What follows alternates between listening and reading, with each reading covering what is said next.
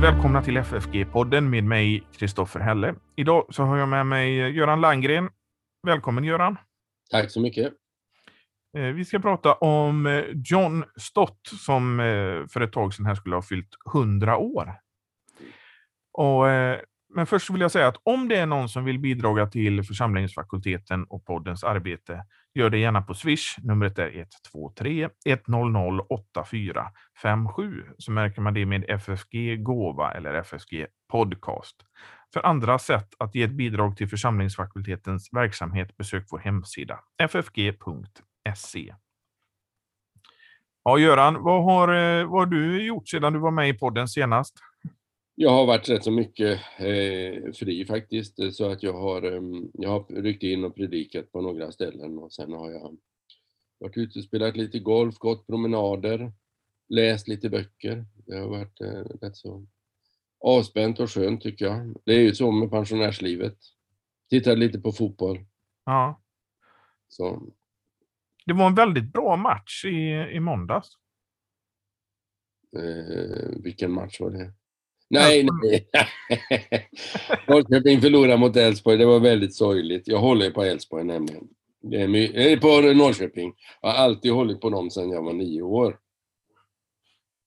Ja. Men eh, man får ta sina smällar ibland. Jag var yngre än nio år när jag började hålla på Elfsborg, så att, eh, då vinner jag. Nej, jag bodde ju i, i Norrbotten då. Då hade, fanns det inget allsvenskt lag där. Så att, eh, det var väl för att det inte fanns någon gräsplan? jo, det fanns. Eh, faktiskt när vi just flyttade ner till Helsingborg, då jag, gick, jag var 13 år då, då kom ju IFK Luleå upp i Allsvenskan och de låg ju ett tag tvåa. Och de fick ju, det var ju väldigt problematiskt med planer för dem för att kunna spela, för det, våren var ju sen. Jag minns ju att det låg kvar snö i Arjeplog när vi bodde där eh, en bit in i maj. Så det var ju kännbart. Men det här med golfen, det var ju någonting jag kommer ihåg att du sa att du skulle starta med när du blev pensionär och det har du gjort. Ja, det är för att jag ska kunna gå. Jag kan inte spela fotboll längre och innebandy, så jag sträcker mig. Och då, då blir det att jag går en, en halv mil eller en mil. Och det är bra för mig. Eh, jag behöver sånt. Vad har du för handikapp? Mm, nej, det vill jag inte ens tala om. 28 har jag, så att jag har ingen höjdare. nej, okej. Okay. Jag ligger högt. Nej, man, när man börjar för sent så blir det inte så bra. Det, det, men det är roligt. Vi är ett gäng som går och vi har väldigt trevligt och vi diskuterar ibland teologi och lite annat. Så vi har väldigt roligt när vi spelar. Och ibland blir man så upprörd i teologisamtalet så att, att eh, man puttar dåligt och slår dåligt. Men det är inte så att du får lite extra sving då när du är upprörd? Nej, mm, eh, Nej. du vet man måste koncentrera sig. tappar man koncentrationen så, så försvinner bollen. Jag har väl fått rätt så bra ordning på mina slag, men man kan inte... Blir man upprörd så är det lätt att man gör, tar i för mycket. Eller, och, och tar man i för mycket, man ska vara avspänd när man slår. Det är så. Och få med sig hela kroppen, inte bara armarna. Nej, nej, det är väl så kanske. Ja. Jag kommer ihåg den här filmen med Lasse Åberg när han testade ja. de här. Ja. ja. Jag kanske hade behövt en sån maskin hemma. Ja. Ja.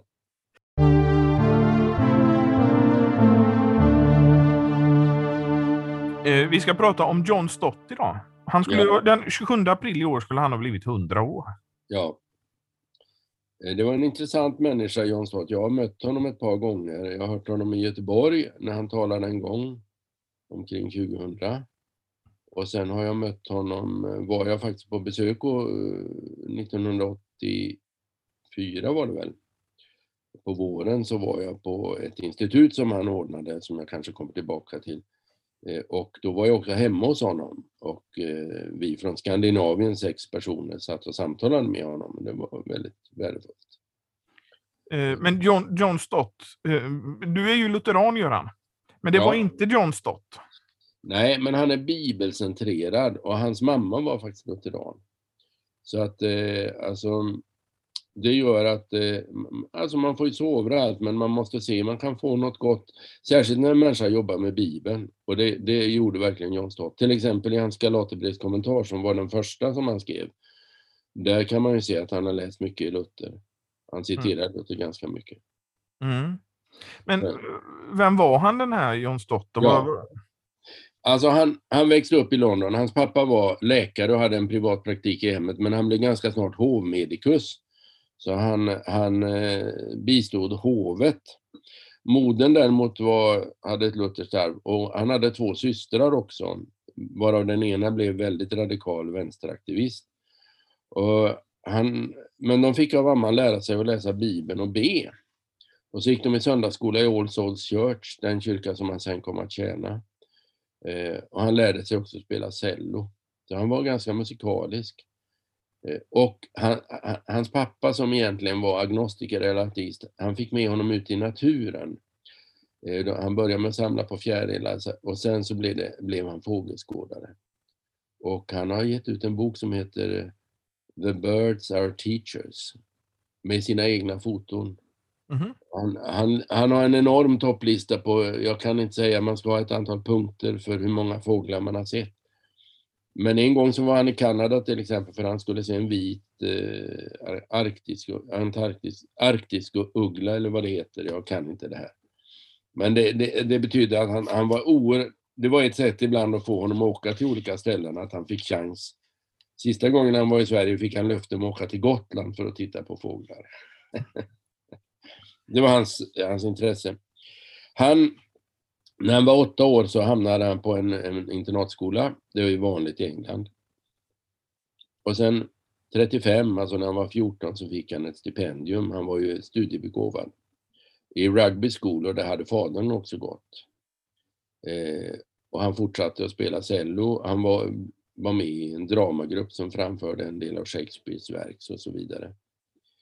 Eh, föräldrarna hade en dröm att han skulle bli diplomat. Eh, eller jobba på utrikesdepartementet.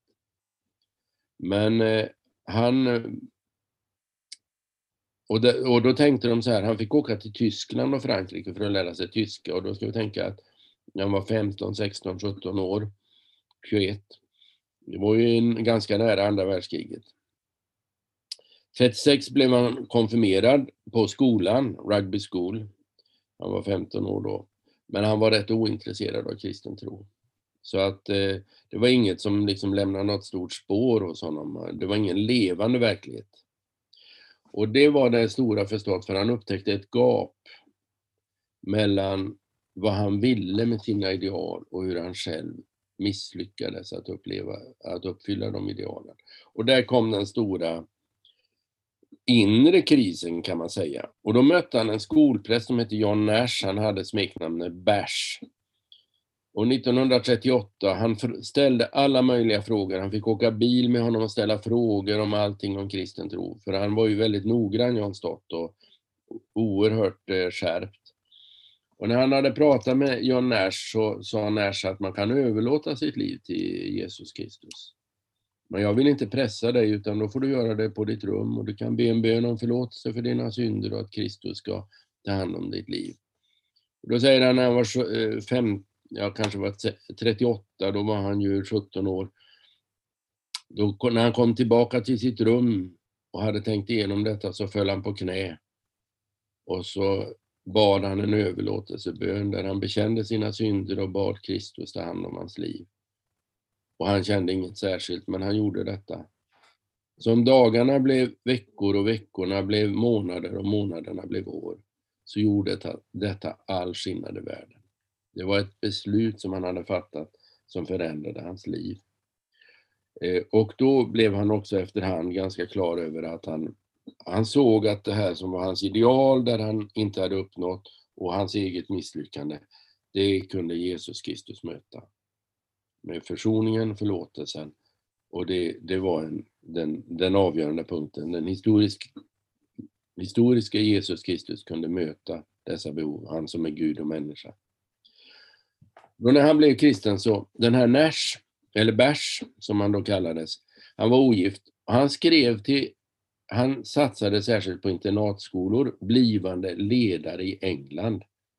Så när han dog, den här Eric Nash, så kom stora delar av ledarskapet till den anglikanska kyrkan. För de hade varit på hans ungdomsläger. Och han hade stöttat dem i att växa till i tro när det gäller John Stott så i fem år varje vecka fick han ett brev av John Nash för att han skulle växa i sin tro. Och John Stott berättar att de här breven var ganska utmanande om att leva som kristen. Så ibland kunde han vänta en timme eller längre innan han öppnade för han, han bävade för vad det skulle stå. Så det var en oerhört utmaning för honom. Eh, men det här ändrade hans liv så att han kom väl fram sen, sen till att han skulle bli präst. Eh, han var väl 17-18 år när han kom fram till det, så det var ganska nära efter omvändelsen kan man säga. Men då blev pappan vansinnig. Han blev väldigt upprörd. Han tyckte att hur ska du, slösa, ska du slösa bort ditt liv på detta? Och i det låg också att om man var minister, blivande minister, blivande präst, så behövde man inte delta i kriget utan då fick man utbildas. Så han slapp ju från kriget på det sättet. Och pappan som var en gammal eh, major i fält i armén och dessutom hovmedikus tyckte ju att detta var fruktansvärt pinsamt. Dessutom tänkte då John Stott som ung kristen att han borde väl vara pacifist. Och han var så ärlig så han sa att jag funderar i pacifistiska termer. Eh, men pappan hade långa diskussioner med honom och han sa att jag kommer inte stödja dig när du går på universitet om du har de här tankarna. Och det var många långa diskussioner men, men han fick stöd av pappan men pappan var, kom nog aldrig riktigt över det här att han inte blev diplomat. Så då fick han bege sig till universitetet. Eh, men det här var hans barn och ungdomstid. Han hade med sig ett arv eh, som var utsått, som inte tycktes ge någon frukt, men som i hans ungdomstid blev en omvändelse och som sen gav en helt ny inriktning på livet. Och då kommer han till Trinity College 1940, 19 år gammal, i Cambridge, som en sårbar ung man, som han säger själv. Men eh, det här som du sa, att han, hans mor som var lutheran, hade hon, ehm, vad hade hon för bakgrund? Var hon... Eh, Jag kan inte närmare säga vad hon hade för bakgrund, men hon var uppvuxen i ett lutherskt hem och där man hade bett eh, och eh, läst eh, andakt. Och hon hade också konfirmerat sig med en luthersk tro. Var, var det här brukandet av Guds ord och bönen någonting han hade med sig sen, eller? Nej, alltså det var ju så här att det var ju så att han läste Bibeln och bad eh, med mamman som barn. Sen kom han ju då till, eh, till eh, internatskolor. Där var ju alltid andakter i internatskolorna. De var ju ofta kopplade till en, en anglikansk präst. Som, och det, så är det ju, kan det vara på många ställen med många skolor i England idag. Så det var en, en yttre formell sak som han kunde bejaka men som inte var levande för honom.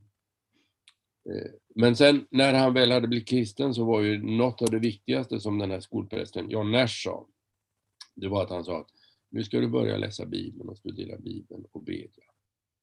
Och det blev liksom eh, en oerhörd, det blev en livsuppgift för honom. Ja, så att... så sen... Så det var genom den här John Nash då som, som det blev en självklarhet för honom att det skulle vara anglikanska kyrkan? Ja, därför att det var ju den kyrka som hans föräldrar var med i, även om, om hans mamma då hade en luthersk bakgrund. Mm. Så då var de ändå med i anglikanska kyrkan. Det, det, där finns ju... Det är lättare så att säga, det är inte alla anglikaner som är reformerta. En del drar sig åt det katolska hållet, men det finns också de som har ett, ett visst lutherskt arv. Så det finns en blandning, eller fanns i varje fall då, i större grad kanske. Och det Hutarna, som ju också har funnits i England, hade ju med sig en viss del av ett lutherskt arv. Ja, om jag då går vidare på universitetstiden, ja, gör det. Mm. mig, så kommer man ju till Trinity College, Cambridge. Och där studerade han eh, moderna och antika språk. Han var ju en fena på franska och tyska och fick en first, det vill säga att han fick bäst eh, betyg av alla där. Eh, han blev vald till senior scholar, det betyder att han egentligen var närmast forskarassistent, kan man väl närmast säga. Eh, men han, och då fanns det en, en kristen ungdomsorganisation motsvarande Credo som hette eh, Cambridge Intercollegiate eh, Christian Union, Kikyo som den kallades. Och eh, de hade en väldig centrering på att människor skulle få komma till tro, att man skulle fördjupa sig i Bibeln, försoningen och korset och ett aktivt lärjungaskap. Och det här påverkade Stott, men det fanns en sak med hans pappa där. Hans pappa sa, du får aldrig gå med i en sån förening. Han gav det löftet, eh, alltså när du är i Cambridge. De finns de där, men jag vill inte att du ska vara med de där eh, evangeliska kristna. Så att han sa att jag blev aldrig medlem, men jag gick på mötena och så. Men av hänsyn till pappa blev jag aldrig medlem. Eh, där i Kiku. Det finns berättat i en fantastisk bok som heter Först heter den Whatever happened to the Jesus Lane Lot som är en beskrivning av en söndagsskola där många av de här studenterna var aktiva. Men som numera senare upplaga heter From Cambridge to the World. Cambridge var ju ett sånt här märkesuniversitet, liksom Oxford. Särskilt för eh, humaniora och samhällsvetenskaper. Eh, men han, var, han, han gjorde detta eh, och samtidigt så var han frivillig i den här Eric Nashs sommarläger. Det var ju en form av ungdomsläger som han ordnade för pojkar med undervisning och friluftsliv. Så att det var väldigt medveten satsning på att han skulle växa i tro. Det här präglade Stott och Stott blev medhjälpare och sen blev han också en som höll i de här lägren. Han var så pass duktig eh, organisatör. Sista året i Cambridge, 1944 till 45, de sista åren där, så förberedde han sig för ordination och då gick han på Ridley Hall. Och i Ridley Hall var C.H. Dodd, som är en känd nytestamentlig teolog, och C.F.D. mol. Men det klimat som rådde var en form av liberal kristendom. Och det sporrades då, säger han själv, till ett djupare bibelstudium. Han prästvigdes i december 1945. Och var kom han då? Jo, han kom till London, till All Souls Church, den kyrkan hade gått i söndagsskola. Där blev han curate eller kommunister. Och kyrkoherden hette Harold Enshaw Smith och blev en förebild för honom. Där var han 45 december och framåt. Bland annat så var, berättas det om honom då att det var ju som, alltså de hade ett särskilt arbete bland utslagna och uteliggare. Och Stott kände då att han behövde liksom sätta sig in i vad detta var. Så det han gjorde då var att han, han bestämde sig att för några dagar vara uteliggare. Och då fanns han med där som uteliggare och eh, låg och sov där under broarna och så. Men då var det en gång det skulle serveras soppa och då var det en som inte ville ge, en av de som serverade, som inte ville ge till en av de här uteliggarna. Och på sin bländande eh, eh, fina engelska så plötsligt sägs det You can't do that, it's wrong. och då blev han avslöjad som en inte vanlig uteliggare. Men det var ett sätt för honom att, att eh, dela det sociala engagemanget som fanns i församlingen. Sen var han ju bara 29 år när han blev kyrkoherde. Och det var ju en, det, man kan säga att det är evangelikanernas högborg, All Souls Church.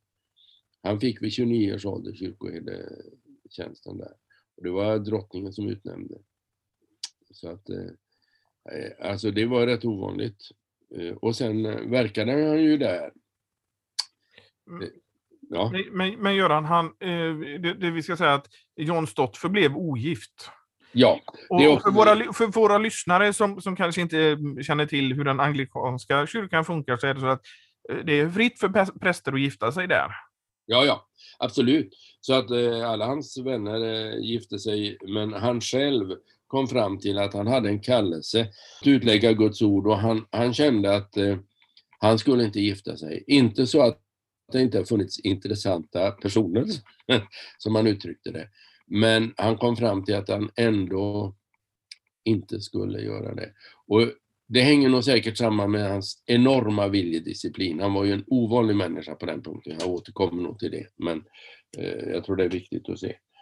Men det här, alltså han var ju en eh, bachelor hela sitt liv, eh, en ungkarl. Och ehm, eh, det kanske var det som gjorde också att han, han hann finnas med och förkunna så mycket och fick en sån betydelse som han fick. När han blev kyrkoherde så tog han fram fem principer som var nödvändiga, som var viktiga. Det första var att be bönen. Det andra var expository preaching, alltså bibelutläggande predikan. Och den kan vi återkomma till. Det är en väldigt speciell som fick ett ge, väldigt genomslag genom Jan Stott. Och sen var det regular evangelism, alltså man regelbundet bedrev evangelisation, inte bara vid olika punkter utan regelbundet försökte nå människor som befann sig utanför kyrkan. Och sen var det en omsorgsfullt lärjungabyggande av de som hade blivit kristna. Att man inte bara lät dem komma till tro utan hjälpte dem att växa i sin tro. Och den femte punkten var systematisk träning av lekmän. Att lekmännen skulle bli engagerade. Det går inte att prästerna gör allt utan vi är kallade att skickliggöra lekmän så att de kan fungera i olika uppgifter. Inte minst i ledarskap, i sitt, i sin vardagliga kallelse, men också när det gällde att eh, bistå människor som har kommit till tro på olika sätt och finnas med i, i sådana uppgifter som inte är prästens uppgift. Eh, och då hade man en del öppna gudstjänster och man hade samlingar för lekmän och så vidare. eh, och det var ju så att Stott var ju en väldigt pro profilerad person, eh, men oerhört duktig talare också.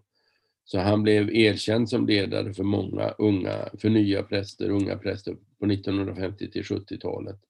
Han var ju bara 30 år men, men fick en väldig betydelse. Han blev bland annat ledare för den evangeliska alliansen. Man kan säga att det var de evangelikala, evangeliska kristna, alltså de lågkyrkliga skulle man kanske sagt idag.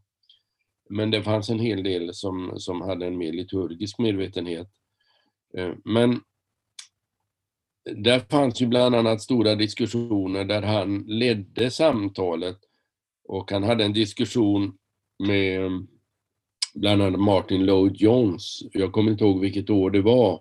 Martin Lloyd Jones var en, ska vi säga, en predikant i en kongressionalistisk kyrka, närmast presbyteriansk. Eh, var den inte baptistisk också? Jag, jag tror det där, där Spurgeon hade verkat.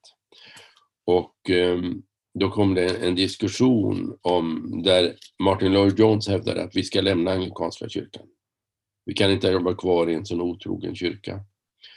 Och där blev det ett, en vattendelare, för Stott menar att vi har inte rätt att lämna kyrkan. Vi har ingen uppbrottsorder. Eh, och det ledde till en, en liten klyfta mellan honom och Martin Lloyd Jones. Martin Lund-Jones var ju ovanlig på det sättet att han var en väldig bibelutläggare, han var ju läkare, en väldigt skicklig kirurg. Men eh, han älskade bibelutläggning och blev då pastor.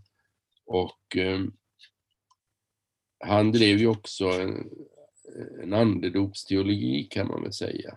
Det är kanske är lite för grovt att säga, men han hade en väldigt stark eh, andedopsupplevelse om man säger så. Och vilket stat var mer kritisk till.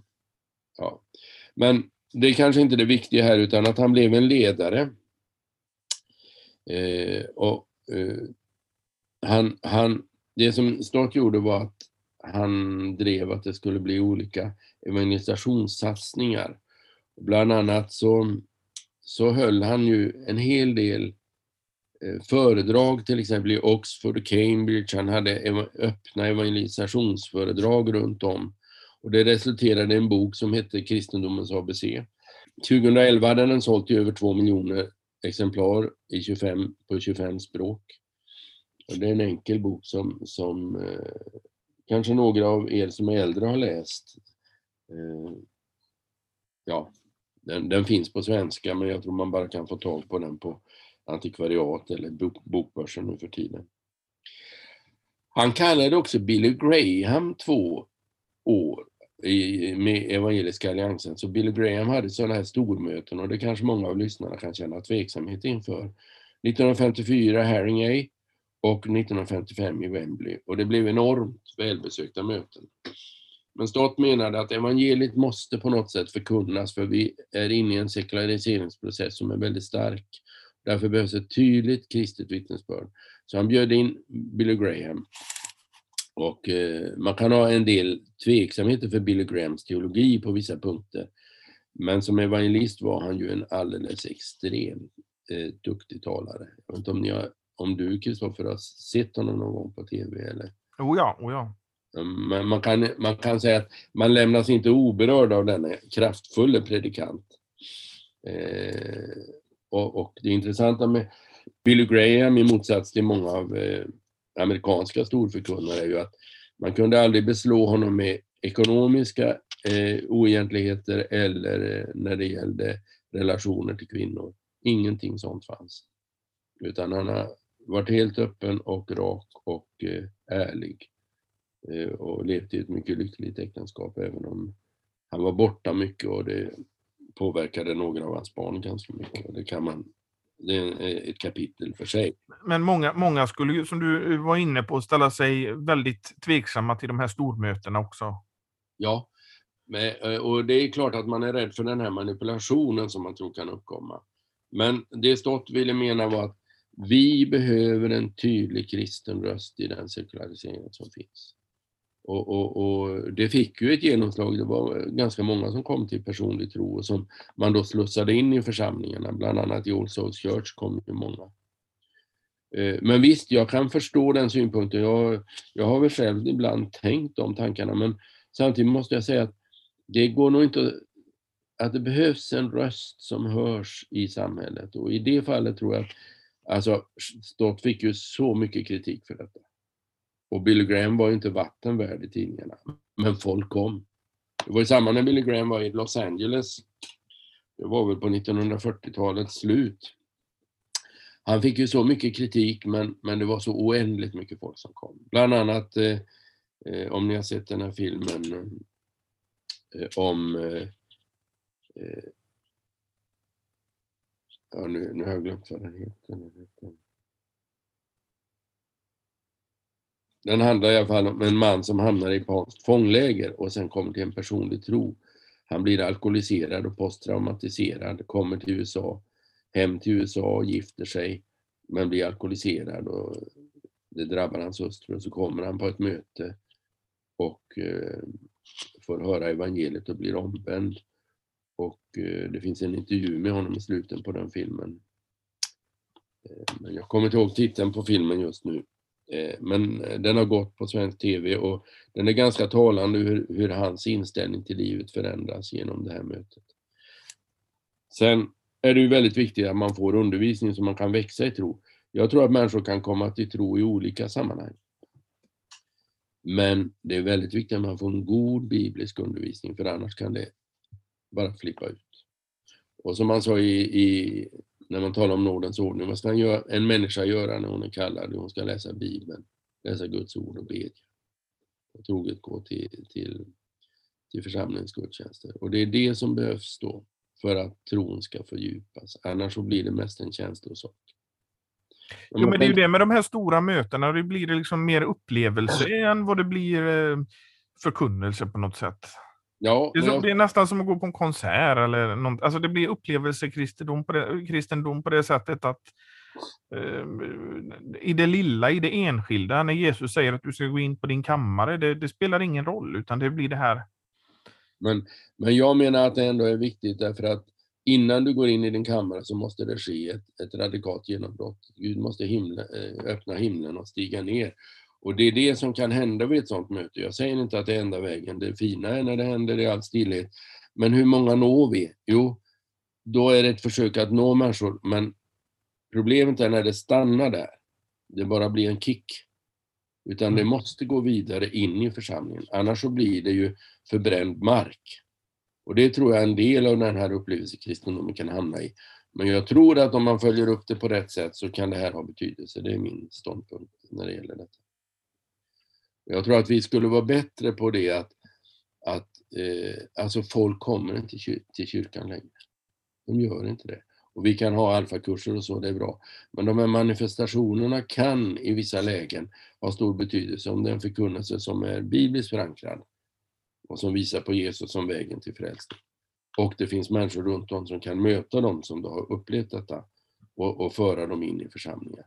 Då tror jag att det kan bli till välsignelse. Ja. ja. Det kan vara kontroversiellt, men jag, jag tror, alltså vårt läge, sekulariseringen är så fruktansvärt djup hos oss. Och ni kan bara se på en, en frågesport och när, när de får frågor om Bibeln. Folk kan ingenting. Absolut nästan ingenting om kristen tro. Jag märker, jag märker det att, att det, det, det, det är liksom så lätt att evangelisterna kan de inte och de vet inte vem Paulus är och de vet knappt vem Martin Luther är. Nej, nej. Om, alltså, eh, a, a, a, om man kan se reportrar som skriver eller kultursidor, om människor visste så lite om sport så skulle de ju bli utkastade om de var sportjournalister. Det finns en berättelse om Carl Fredrik Wisslöf, jag vet inte om du har hört den. Eh, Carl Fredrik Wisslöf var en känd luthersk förkunnare och professor i, på menighetsfakulteten i Oslo. Han var så irriterad på att de, de artiklar som skrevs i tidningarna var så dåliga. Och eh, då gick han upp till Aftenposten och så sa han, jag vill anmäla mig som reporter för sportsidorna. Jag skulle vilja bli sportreporter och då frågade redaktören där, ja men eh, har du någon erfarenhet av sport? Nej, inte någon.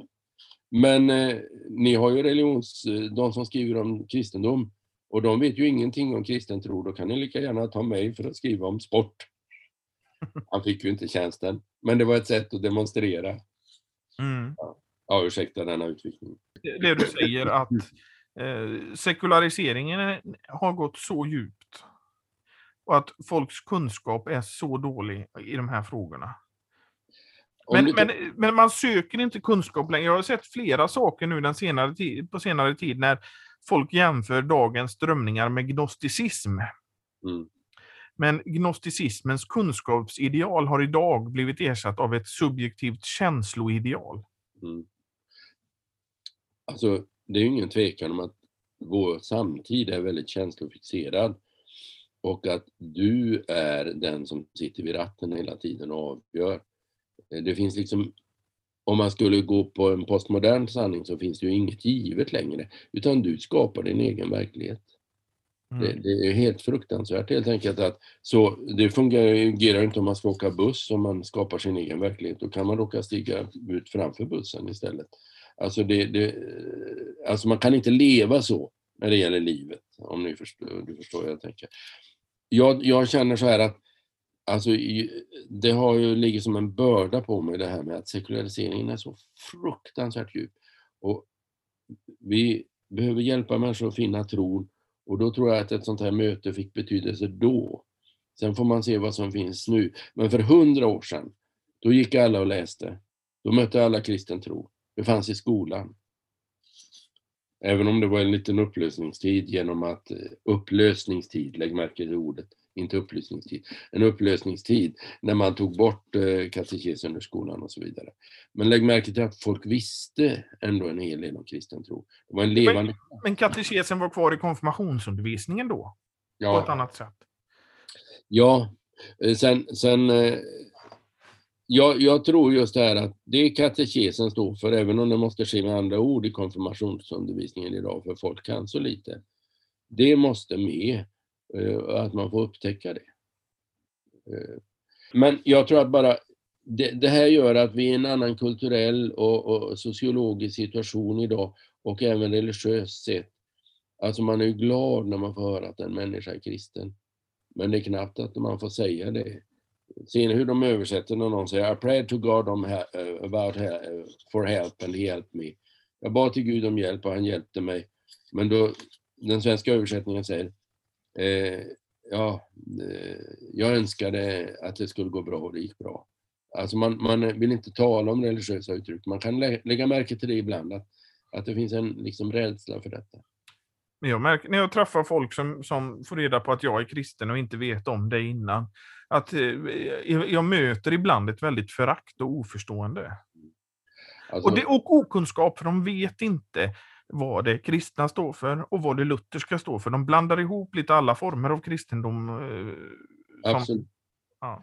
Ja, jag, jag, är helt enig med det. Och jag, alltså jag, jag tror att det finns en man som heter Odd Skinner, jag ska inte hamna i det nu, att det blir långrandig, utan, men han har skrivit en bok som heter The Dust of Death och där går han igenom hela 60-talskulturen. Och det första kapitlet heter så här, The Striptease of Humanism. Eh, eh, alltså avklädningen av, av humanismen. Och hans poäng är så här att den sekulära humanismen har lånat en kristen människosyn men har inte den kristna människosynens grund. Och det betyder att den urholkas mer och mer. Man lever så att säga på ett gammalt kapital. Och det är det jag tror, vårt samhälle lever på ett kristet kapital på vissa punkter som det har med sig. Men man kan inte motivera det utifrån kristen tro. Då har man inte den grundmotiveringen kvar. På sikt så försvinner då det. Och det är det jag tror inte folk inser att den kristna människosynen och förhållningssättet till arbete och annat, allt det försvinner när man tar bort kristen tro. Och då, mm. då hamnar vi i totalt kaos på sikt. Alltså jämför kristen tro, det kanske man inte ens får säga idag, men det säger jag. Jämför kristen, den kristna trons människosyn med till exempel eh, islam. Eh, en enorm skillnad. Vetenskapen, den moderna vetenskapen uppstod i en kristen kultur. Det är faktiskt så. Och likadant se med buddhismen eller hinduismen där målet är att utsläcka livsgnistan eller utplåna som person. Jämför det med kristendomen som hävdar människans unika värde, personlighet och kulturella förmåga underställt en skapare. Det är klart att det gör skillnad. Men den här eh, människan som lever i det här sekulära samhället, eh, de, de har ju väldigt svårt att förstå att en kristen eh, person tror på Gud. De tror ja. på en, en, gud. Men då brukar jag alltid säga med Martin Luthers definition av vad en gud är, att de har också en gud. Ja. För att en gud är den du eh, förväntar dig allt gott av och vänder dig till i all din nöd. Det tycker jag är en fantastiskt eh, bra definition. Och det är där som man ser hur eh, man kan se hur materialism och börsen och allting blir gudar för människor. Ens egen kropp, eh, den sexuella eh, njutningen kan bli en gud. Alltså allt det här präglar vår samtid, det är ingen tvekan. Och det är därför jag vill försvara detta att han hade de här stormötena. Därför att jag tror i det läget som var så, så var det av betydelse. Och vi ska vara medvetna om Alistair McGrath, en känd anglikansk teolog. Han säger att hela den förändring som skedde i den anglikanska kyrkan med det eh, evangelikala eh, betoningen av bibelordet i centrum och korset i centrum den enorma förändring som, som det blev, den skedde i stort genom att John Stott fick ett sånt enormt genomslag. Vi ska vara medvetna om att Old Souls Church ligger precis vid BBC. Mm. Och det gjorde också att eh, alltså, han hade ju många prominenta professorer och även programledare som fanns med där. Cliff Richard kom till en personlig tro som var en känd eh, rocksångare då, så att säga. Sir Cliff Richard som han sen hette när han adlats. Men han var ju med mycket i All Souls Church. Är han inte det fortfarande? Jo, jag tror att han är med där, men jag, jag har inte koll på det nu, så jag kan inte säga. Men, men, men om vi säger så här, det man läser och det man... Det, det, det ska ju förhoppningsvis omsättas i praktiken. Mm. Och jag tänkte när du har läst Stott och läst om de här eh, stormötena, var det någonting du själv funderade på? Du var ju kyrkoherde i Örby och Skene väldigt länge. Var det någonting du själv funderade på att ordna? Ja, alltså jag, jag vill inte, man kan inte jämföra sig med stat för han var en så fantastisk ledare.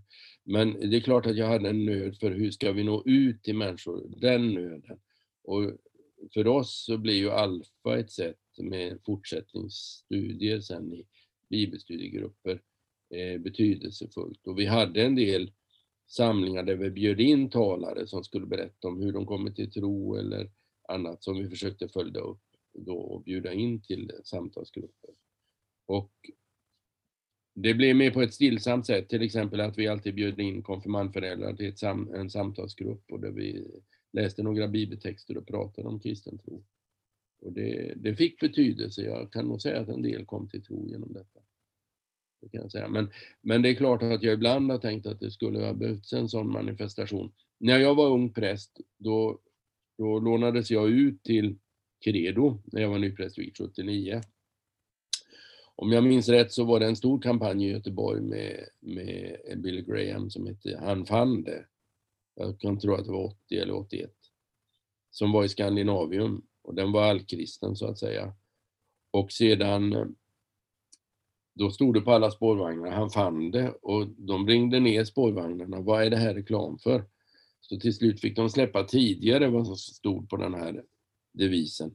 Det står, han fann det, nytt liv i Jesus Kristus, kontakta Svenska kyrkan. Och så var det möten då i Skandinavien. Jag menar inte att det är fel med en sån kampanj, men man får alltid utvärdera kostnad och personliga uppoffringar. Men själva ambitionen att aktivt nå människor med kristen tro, den tror jag att vi kommer inte ifrån det missionella engagemanget. Det är helt avgörande. Och det, det bar stått i hela hans liv. Så var detta väldigt viktigt.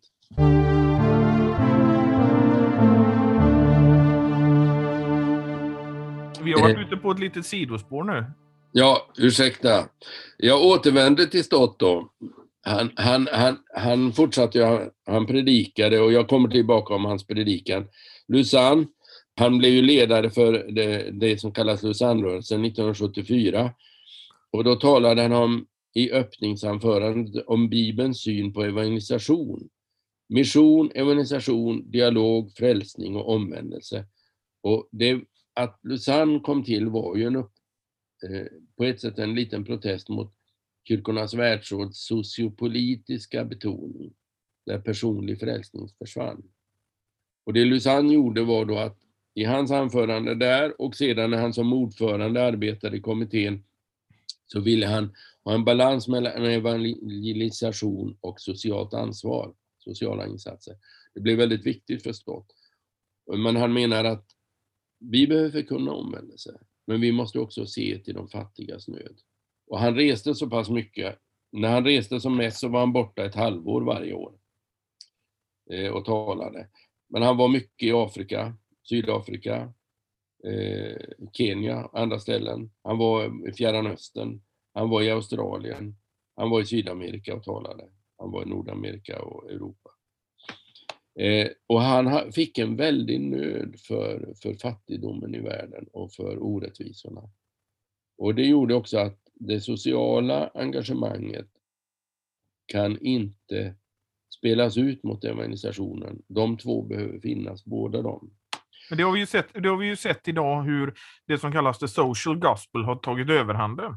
Ja, eh, man kan säga att det har präglat Kyrkornas världsråd och det gjorde ju till exempel att den kände eh, teologen som var mycket med i Kyrkornas världsråd ungefär fram till 66-67. Han hette Thomas C. Oden men han kom fram till att det var mer, var mer politik än det var kristen tro. Så han lämnade det.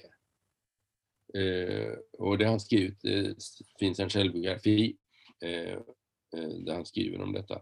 Men det var så stått och många evangelikala kände, vi platsar inte i kyrkornas världsråd. Och då blev det så att det här med Lausanne, Lausanne-deklarationen har en betoning på evangelisation men också på hur möter vi fattigdomen och orättvisorna? Eh, och det var nödvändigt att göra, för de nordamerikanerna, alltså amerikanerna, eh, de betonade ju att vi ska bara predika evangeliet. Eh, men det här med the social gospel, som har, det som har tagit överhanden nu, hur såg John Stott på det? Nej, han menar att det är en, för, alltså en förvrängning av evangeliet. Evangeliet handlar om att Jesus Kristus har dött för våra synder och uppstått och att vi därför kan få förlåtelse och befrielse från ondskan för att vara Guds barn. Eh, men vi har i den förlängningen av det så har vi ett ansvar för människors, eh, för eh, också rättfärdiga strukturer i samhället. Men det är inte själva frälsningen. Och han gör en skillnad där. Om jag då ska nämna det, när vi ändå pratar om det, så kan jag säga så här att ett av hans stora verk är faktiskt en bok som heter Issues Facing Christians Today. Och det är frågor som berör kristna idag.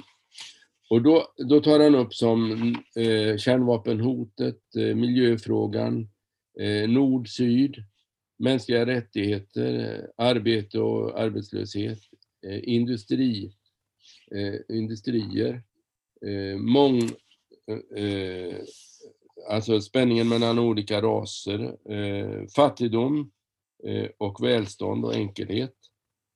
Eh, kvinnor, män och Gud. Eh, äktenskap och skilsmässa. Abort, abort homosexuell samlevnad. Christian leadership. Men när han tar den diskussionen så ägnar han de fyra första kapitlen om att tala om evangeliets betydelse. För att man ska se att det är det som evangeliet och tron på evangeliet som driver fram ett socialt ansvar. Och i England har de ju ett alldeles lysande exempel på det genom William Wilberforce. Hur han liksom förändrade hela slaveriinställningen mm. Eh, och lagsättningen där genom att han drabbades av evangeliet. Och vi har ju sett hur, hur väckelsen på 1800-talet gjorde att människor slutade supa ihjäl sig och, och, och hamnade i misär. Så jag tror att det är väldigt viktigt att ha det perspektivet och, och, och därför gör han den åtskillnaden om man tar den kort svar på den frågan. Det som han är mest känd för i Sverige, John Stott, är ju ändå hans bokproduktion. Ja. Eh, och vissa av verken har ju blivit översatta till svenska och hans eh, kändaste verk är väl Korset. Men det finns ju även andra böcker också. Ja, jag kan väl, eh, om jag, om jag säger då i korthet, eh, jag ska bara avsluta detta väldigt kort att eh, han drog sig tillbaka som kyrkoherde 1970 och då blev det en som heter Michael Bowen som sen blev eh, biskop Eh, som tog, och 1975 så blev han emeritus för att kunna resa helt och tala. Och det kan vara viktigt att veta att han, all, all hans bokproduktion, han har sålt långt över 50 miljoner böcker. Eh, så har behållningen gått till, eh, två tredjedelar har gått till Langham eh, Trust, tror jag det heter. Och där är det så att man ge stipendier till tredje världen, människor som behöver forska och fördjupas, pastorer och andra, samt litteratur. Så att behållningen har han använt till det. Och då kan man säga att vad har han skrivit då? Jo, han har skrivit ett stort antal bibelkommentarer. Eh, och jag kan ta fram ur min bokhylla väldigt snabbt några stycken som kan vara värda att peka på. Bara som exempel. Den första är eh, budskapet om Eh, The Message of Galatians. Och han myntade då en, en, form av kommentar som heter The Bible Speaks Today. Och i hans bibelutläggning så är det så att det viktiga är att jobba med texten, och så applicera den på vårt nu. Hela tiden så är det hans brottning, i all hans förkunnelse. Så han skrev den här Galaterbrevskommentaren och sen en om Efesierbrevet som heter God's New Society, Guds nya samhälle kan man säga. En eh, väldigt intressant kommentar till Romarbrevet. De blir tjockare och tjockare för ju äldre han blev. Och eh, en bok om eh, Uppenbarelseboken. Och så har han skrivit om pastoralbreven andra Timotius, första andra Timoteus och Titusbreven. Och Thessalonikerbreven också. Så han har skrivit en hel del kommentarer och de kommentarerna präglas av detta, en, en brottning kring det här. Sen har han skrivit några stora verk, det jag nämnde, Issues Facing Christians Today, och det har med samtiden. Några som handlar om mission, och sen har han då korset, eh, Kristi kors, The Cross of Christ, den skrev han 1984 om jag minns rätt. Och eh, där han går igenom, det är hans magnum opus, hans stora verk och det som han kanske är, är, har varit mest angelägen att skriva, för han menar från korset utgår allt. Allt liv ut, i, i kristen tro utgår från korset. Man kommer inte ifrån korsets betydelse. Jag ser om jag kan hitta det här. Han säger så här. Det ger en tillbedjans relation till Gud, eh, en ny förståelse av oss själva, en ny drivkraft till mission, en ny kärlek till våra fiender, ett nytt mod att möta modande, eh, lidande och svårigheter. Alltså han menar att korset är den helt avgörande kraften för kristen tro. Om inte korset är i centrum så går evangeliet förlorat. Och då menar han med korset Jesu död och uppståndelse. Om vi, om vi backar lite, så, så, så, så, den första kommentaren han gjorde var Galaterbrevskommentaren. Ja. Och eh, eh, har det någonting med hans eh, mors lutherska arv att göra, tror du? Eller, eh... Nej, jag tror, men han läste, alltså han läste ju han läste de kommentarer som fanns till hands och då är ju lutherska lotteriskommentarer helt fantastisk. Det, är en, en, det finns både en kort och en lång. Men eh, den långa kommentaren har han läst väldigt noggrant och citerar vid flera tillfällen. Eh, och, och, det här höll han ju som bibelstudier på en eh, kvällsgudstjänst, jag skulle tro på söndagskvällar, i, i All Souls Church. Och, och de var så bra så att de sen växte fram. Och det kan man se i all hans bibelutläggning. Han är otroligt strukturerad. Eh, jag minns en gång jag var på en predikan han hade, och han, det har alltid varit bibelutläggning, 1984 på en kvällsgudstjänst och då talade han om första Korintierbrevet 4. Jag köpte en bok efteråt som han har signerat. Och då skrev jag ner predikan efteråt. Jag kunde nästan komma ihåg den ordagrant. Därför den var så strukturerad. Fyra punkter och så eh, exakt vad han hade sagt. Fyra punkter? Ja, han hade fyra punkter. Alltså han utgick då i första Korinthierbrevet 4, vad, kännetecknar en församlingspräst? Det är en tjänare, han är förvaltare, han anses vara mänsklighetens drägg och han är en fader i tro. Då tog han fram fyra grekiska ord och vävde ut dem. Och det gör han ständigt, att han jobbar mycket med grekiska. Han var ju en språkmänniska. Så jag, jag, tror att det är väldigt viktigt att se. Och, och sen att han skrev The Cross of Christ, eller korset. Sen, det var nog att han hade jobbat så mycket med bibelordet då, så då tyckte han att han kunde jobba sig igenom korsets betydelse.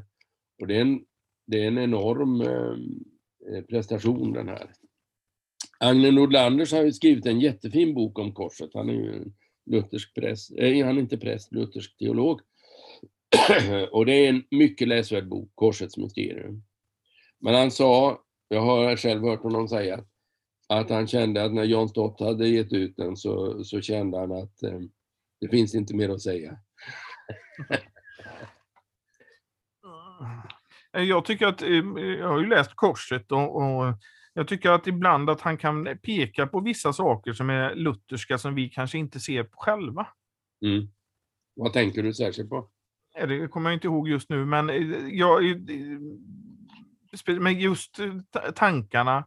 Jag tänker på till exempel eh, hans kritik av Gustav Aulén är ja. en sån sak. Och där är ju väldigt intressant, hans kritik av Gustav Aulén. För Gustav Aulén drev ju, han drev ju detta med att den dramatiska försoningsläran. Och, och då menar han att Luther har inte ett, ett satisfaktiomotiv, alltså han har inte ett offermotiv, utan det är att Jesus befriar från djävulens våld. Och då, då, då försöker han få in Luthers stora Galaterbrevskommentar i detta, vilket inte är hållbart. Men han har en poäng i att det finns ett ett befrielsemotiv, inte minst i Kolosserbrevet. Men det, det Aulén gör är ju att han är djupt oärlig. För han tittar ju inte, han, han lämnar ju 15 sidor i Galaterbrevets kommentarer över Galaterbrevet 3, 10-14, där man ser att det finns ett väldigt tydligt offermotiv. Att Jesus drabbas av Guds vrede för vår skull. Och det kritiserar Stott i den här boken. Ja, men eh, det, det som eh, jag tycker är också är lite unikt med Stott är att eh, till exempel i USA och, i, och så, så är Gustav Aulén och Gustav Wingren. Det, det, är väldigt selektivt det som har blivit översatt.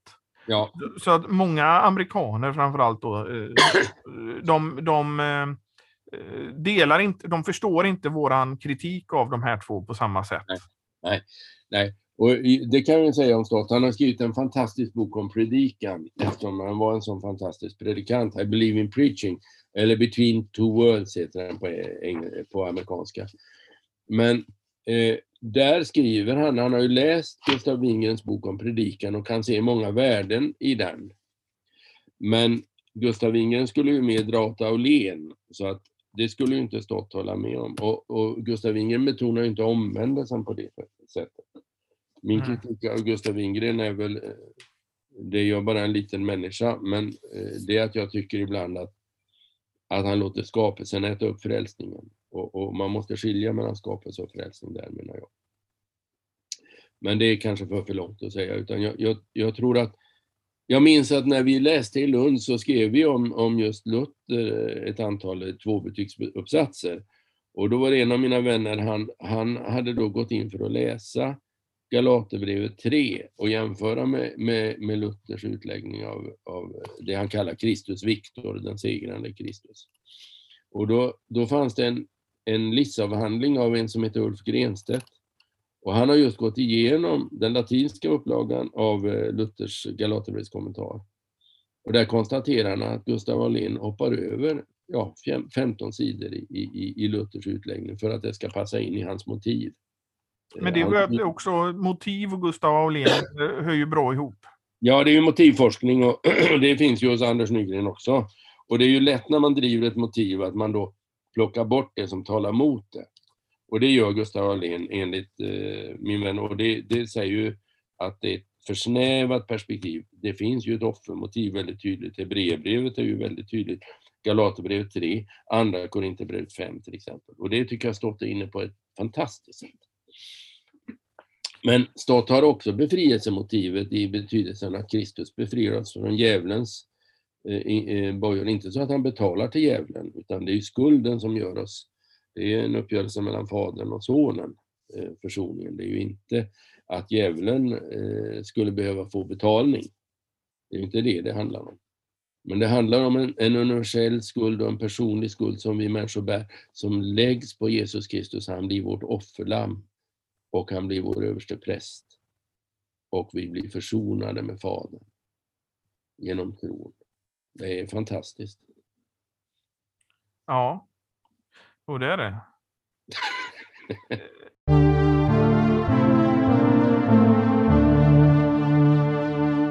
ska, vi, ska vi säga så här att vi börjar gå mot ett avslut av det här? Ja, ja det ska vi göra. Eh, har du någonting mer som du vill tillägga innan vi avslutar? Jag, jag skulle vilja, läsa i engelska, så skulle jag vilja uppmuntra att läsa till exempel Galaterbrevs kommentaren. Den är i sin korthet väldigt, väldigt fin och jag tycker eh, är det någon som är teolog som lyssnar så skulle jag säga att jag skulle tycka att I believe in preaching är en av de absolut bästa böckerna om predikan. Det enda som inte finns där eh, tycker jag tillräckligt mycket, för det är Bible exposition, han utlägger texten. Det är att jag tycker att eh, det jag saknar är det vi kallar eh, lagevangelium, som Carl Fredrik Wistlöf har i Ordet från Guds mun. Kan man läsa de två böckerna så får man en fantastisk bild för predikan. Möjligen förenas det i Timothy Kellers bok Preaching. Men nu är vi inne på bokrekommendationens område och jag kanske går över gränsen då. Gösta Nelson, hur predikan byggs upp då? Ja, den finns ju också och den utgår ju väldigt tydligt från nådens ordning och utifrån nådesordningen. Eh, det som Stott har med sig i Bibles Exposition, det är att vi inte kan komma undan texten. Jag minns en förkunnare som hade predikat, han heter David Jackman, han berättade på en konferens jag var att, så han, ja, jag hade en bibelutläggning och då var John Stott där och lyssnade, det var en stor eh, eh samling då. Och eh, efteråt så, så sa Stott inget, eh,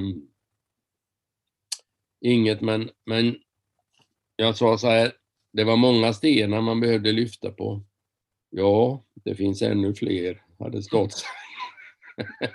och det var väl kanske ett uttryck för det här med att sant kristet sammanhang. Vi har en luthersk kontext, men vi behöver jobba med texten, för det är texten som skapar tro. Det är Guds ord. Och med texten låter det så, så eh, teknika, eh, tekniskt, så att säga, men vad jag är ute efter är att låta bibelordet i sin kraft landa i mitt hjärta. Då väcks tron. Mm. Och det får vi brottas med i predikan. Det är det som Stott har gett mig, eh, bland annat. Med, med mycket god undervisning på många sätt. Och sen får man då, kan man ha kritiskt på vissa punkter. Men det är så med alla. Men man får pröva dem och så rannsaka skrifterna. Precis som de gjorde i Berea. Och det tror jag är själva hemligheten. Mm. Ja. Göran, eh, tack för att du än en gång har varit med i vår podd. Ja. Jag tackar för det goda samtalet. Eh, du hade inspel här och, och, så, så som sagt så hoppas jag att ni har fått en liten bild av, av John Stott. Jag vill uppmuntra er att läsa om honom. Mm. Och eh, är det så att man vill ge ett bidrag till församlingsfakultetens arbete och till poddens arbete, gör det gärna på Swish 123 100 8457. Numret finns också i avsnittsbeskrivningen och Göran tar fram sin telefon och swishar direkt. Eh, och eh, för andra sätt så finns också ffg.se. Eh, jag vill påminna om vår serie om Låsi Kommunes och att man kan till specialpris köpa Låsi Kommunes. Och det är eh, ett exemplar kostar 30 kronor och två exemplar 50 kronor plus frakt. Så kan ni följa med i vår serie. Ja, Göran. Ja. Då säger vi tack för idag. Och, jag, tackar, jag tackar för samtalet. Det är alltid trevligt att samtala, Kristoffer. Allt gott. Mm. Detsamma. Hej. Hej.